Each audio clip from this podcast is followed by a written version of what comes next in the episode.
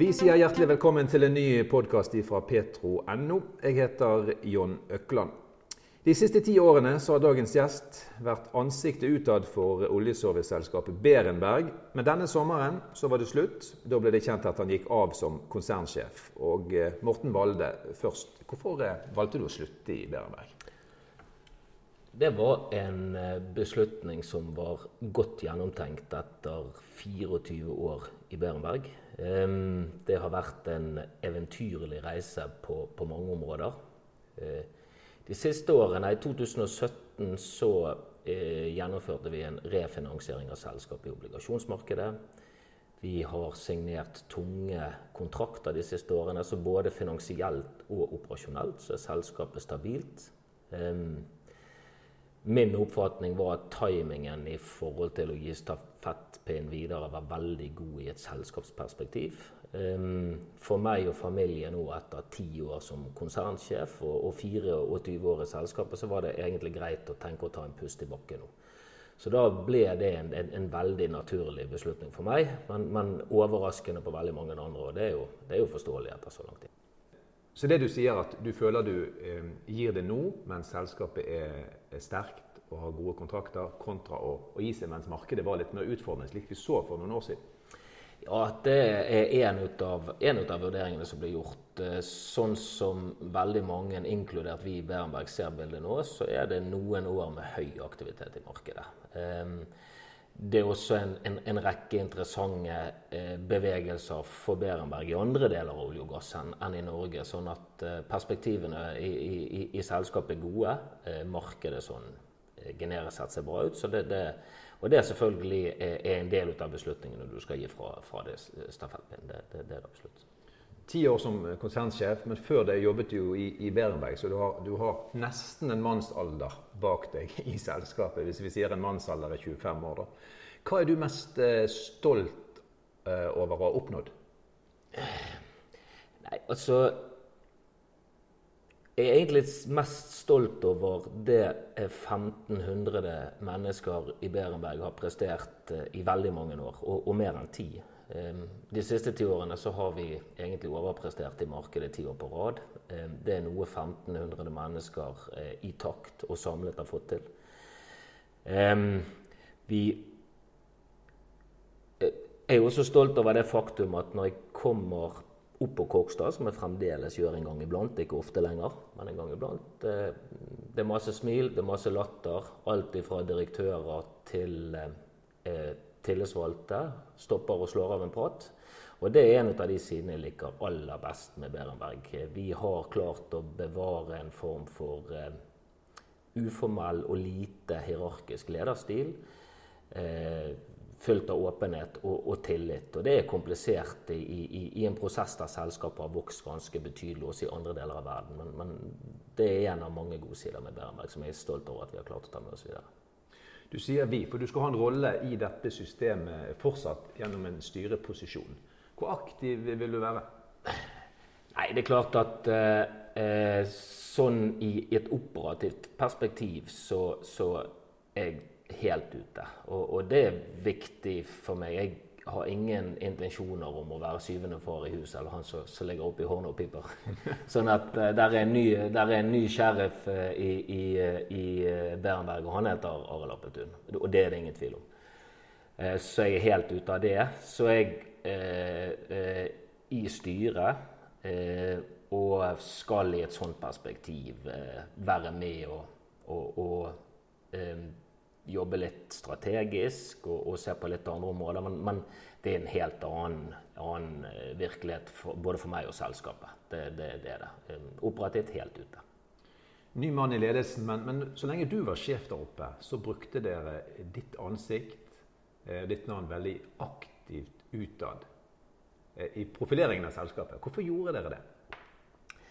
Nei, altså um det ble i hvert fall Det, det var vel en, en, kombinasjon av et strategisk valg og, og, og kanskje eh, litt tilfeldigheter at det ble slik. Men eh, det som var viktig for Berenberg, og, og, og kanskje viktig for hele ISO-bransjen, det er å fremsnakke både olje- og gassindustrien, fremsnakke eh, ISO-bransjen og, og, fokusere på de positive ringvirkningene både eh, arbeidsplasser, skatteinntekter og den verdiskapningen denne industrien står for. Det har vi vært bevisst eh, på. Og det er også viktig når du skal rekruttere kloke hoder. At du har et, en form for et brand og et merkenavn, og at du kan eh, rekruttere på litt andre eh, premisser enn bare lønn. Og det har vært viktig i brandingen av Werenberg. Det å skape en, en profil som er attraktiv for unge, talentfulle mennesker. ISO-segmentet, eller ISO-bransjen, har jo fått et uh, rykte på, eller et stempel, eller hva du skal kalle det. Noen har kalt det Nordsjøens jordbærplukkere. Uh, et segment som har tjent uh, lite penger sammenlignet med andre segmenter, selv i boomen. Hvorfor har det fått det stempelet, og hvorfor er det blitt sånn? Har du noen tanker rundt det? Nei, eh, Altså Det jeg i hvert fall kan si, er at eh, en ISO-arbeider i dag har uh, lønn som er fullt sammenlignbar med, med, med en lærerlønn, f.eks. Turnusene til en ISO-arbeider er som regel bedre enn en, en sykepleier sine turnuser. Sånn at det er sånn fundamentalt sett vanskelig å få øye på grunner til at dette stempelet eh, har, har, satt seg litt, for, for, for, det har det kanskje. Um, jeg tror at vi må være flinkere både i, uh, i selskapene i bransjen, men også i, i interesseorganisasjoner og alle rundt, å fremsnakke ISO-bransjen på lik linje med olje- og gassindustrien som helhet. Det er um, veldig mange som fokuserer på de negative aspektene som, som eh, vi opplever til tider er overdramatisert. Og, og spesielt i, i ISO-bransjen så oppfatter vi at der, eh, skal man rekruttere, så må man fokusere på de, på de riktige og de viktige eh, områdene. Og som sagt, hva gjelder lønn, hva gjelder kompetanse, hva gjelder fagbrevsdekning, hva gjelder turnuser, så det er absolutt ingenting å skamme seg over. Er det fordi man sammenligner med andre om bord på på riggen, da? Er det det? Istedenfor å sammenligne med lærere og sykepleiere, som du gjør. Er det derfor vi har dette bildet? Ja, jeg tror fort at eh, hvilken vei man sammenligner, kan ha noe betydning. Og så tror jeg fort også at eh, det har skapt seg, som du indikerer, et, en, en, liten, en, en, form for forståelse av at dette er lavtlønnede eh, eh, grupper. I et bredere perspektiv så er det absolutt ikke det. Men ISO-segmentet, hvis du ser på selskapene Jeg tror jeg har laget fire eller fem saker om det. Eh, hvordan eh, disse aktørene De har variert i antall fra fire til syv, kanskje. noe sånt, Har slitt og kjempet rundt nullpunktet. Altså gå i null. Det har vært målet for mange. Bortsett fra Berenberg, som et litt trassig unntak. Hva er det dere har gjort riktig for å få opp eh, fortjenesten eller driftsmarginene på, på de, disse kontraktene dere har hatt?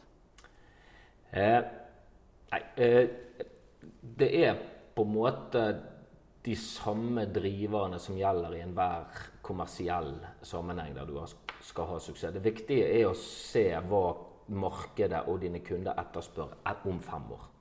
Hele tiden ha et perspektiv på hvor du skal med utviklingen av både selskapet, teknologien og kompetansen. Så det å hele tiden ha en form for strategisk tilnærming til hvor du skal ta selskapet, er viktig. Og det må alltid være der markedet går. Vi har også nyttet eh, stor gunst av å ha et profesjonelt styre svært aktive eiere. Som også i et strategisk og finansielt perspektiv har gitt oss muligheter til å utvikle selskapet. Så, så vi har brukt betydelige midler på å investere i teknologi, på å investere i kompetanse. Eh, også på å investere i en del sammenhenger i assets, som gjør at eh, vi har klart å drive opp marginnivået til et nivå som jeg tror eh, er sunt, eh, og som er et nivå flere burde kunne eh, rekke. Og det vil jo, det vil jo være gunstig for, for, hele industrien at aktørene som opererer, har marginer. Det tiltrekker, det tiltrekker attraktive eiere, det tiltrekker attraktiv kompetanse, og det tiltrekker muligheter til å investere i teknologi. Du har jo sagt til meg tidligere når jeg har intervjuet deg, at det må være kontrakter som gjør det mulig å tjene penger nettopp for å kunne investere i, i utstyr og i mennesker for å kunne da levere varen neste gang eh, de spør. Og, og jeg regner med at det er noe du ivrer fortsatt for å ha kontrakter som belønner effektivitet? Ja. Det er det absolutt. Um, det er klart at uh, hvis man i det hele tatt skal kunne drive med olje- og gassutvikling uh, på norsk sokkel i fremtiden, så må kostnadsnivået være på et nivå der man tåler uh, oljepriser under 100 dollar fatet. Det har jo ikke minst den korte historien fortalt oss. Sånn at det å, det å få effektiv gjennomføring av oljeproduksjon på norsk sokkel er ekstremt viktig. Da må også kontraktene honorere nettopp effektivitet. For eh, den viktigste kostnadsdriveren, det er mennesker. Sånn at hvis du har en effektiv gjennomføring av, arbeidet eh, ved hjelp av rett kompetanse, ved hjelp av den beste tilgjengelige teknologien, ved, hjelp av gjerne både økt industrialisert og gjerne robotisert gjennomføring, så vil det dra ned kostnadsnivået ytterligere fra dagens nivå. Og Det tror jeg er helt nødvendig i fremtiden for å, å kunne ha et levedyktig aktivitetsnivå på norsk sokkel. Hvor er vi nå? En oljepris som svinger mellom 70 og 80, litt opp og ned der. Eh, hva, hva, mener du er, er fremtidsbildet nå de neste to-tre-fem årene i det segmentet vi snakker om nå?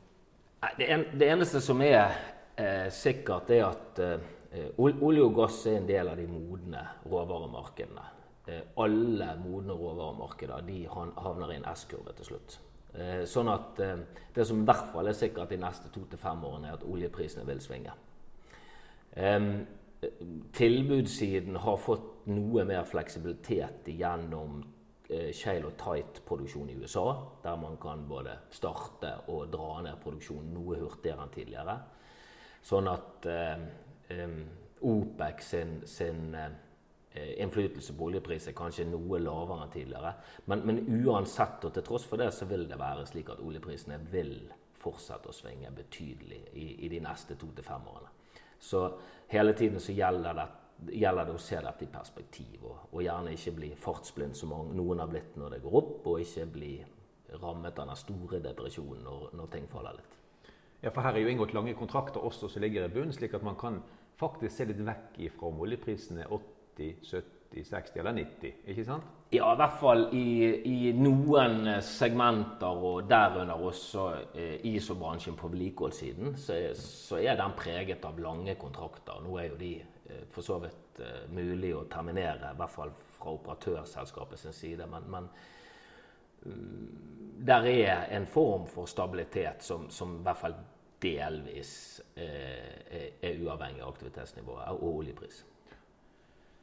Litt om framtiden din. da. Eh, du skal sitte i styret i Berenberg, men det er jo ikke noen 100 stilling. Eh, de som hører litt sånn romklang nå, så er det fordi vi sitter på kjøkkenbordet ditt i, i Bergen her. Og jeg lurer på hva er det du driver med på hjemmekontoret ditt for tiden?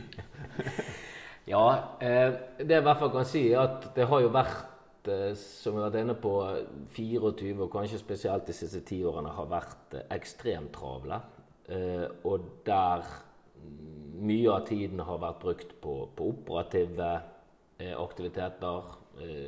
Mye av tiden har vært brukt på mer strategiske vurderinger. Sånn i fremtiden så tenker jeg kanskje at jeg vil jobbe mer med strategisk forretningsutvikling. Jeg har jo med selvsyn eh, opplevd eh, verdien av profesjonelle og komplementære styrer. Eh, jeg har sett verdien av eh, aktivt eierskap, som er med å trekke selskap og administrasjon i, i, i retning. Så gjennom eh, styrearbeid, gjennom gjerne annen type rådgivning, gjerne gjennom eierskap, så så ser jeg for meg at jeg kanskje har en del å bidra med i settinger i fremtiden. Og det, det, er nok det jeg vil konsentrere meg om, om i hvert fall sånn som, som jeg ser virkeligheten i dag. Og kan jo det alltid endre seg. Skal du inn i andre styrer, da? Er det det du sier? Eksempel? ja, det kan Hvis den type muligheter byr seg, så, så og, og, selskapet rett, så er det absolutt noe jeg vil vurdere, og, og, og noe jeg tror jeg kan, kan bidra en del med. ja. Mm. Er du ferdig med det å ha en eh, konsernlederstilling og, og inn i en fast jobb for, for, flere tusen ansatte? Eller er det noe du allerede nå kjenner du savner? Ja. Nei, jeg kan i hvert fall være tydelig på at det er ikke noe jeg kjenner jeg savner. nå er jo det bare gått seks måneder, men eh, jeg blir overrasket hvis jeg går inn i den type operative stillinger i fremtiden. Eh, ting kan forandre seg, og man kan på en måte Ja, det kan man skal, Det er aldri noe som er hugget i stein. Men, men sånn som de vurderingene jeg har gjort til nå, er at en mer form for strategisk tilnærming til forretningsutvikling, og, og, og gjerne gjennom litt andre organer enn en konsernledelse, det er det jeg ser som mest aktuelt. Flott. Jeg sier tusen takk for praten, Morten Wall, og lykke til med alle dine prosjekter fremover. Mange takk. Mange takk. Da er denne podkasten fra petro.no ferdig. Vi er tilbake neste uke. På gjenhør.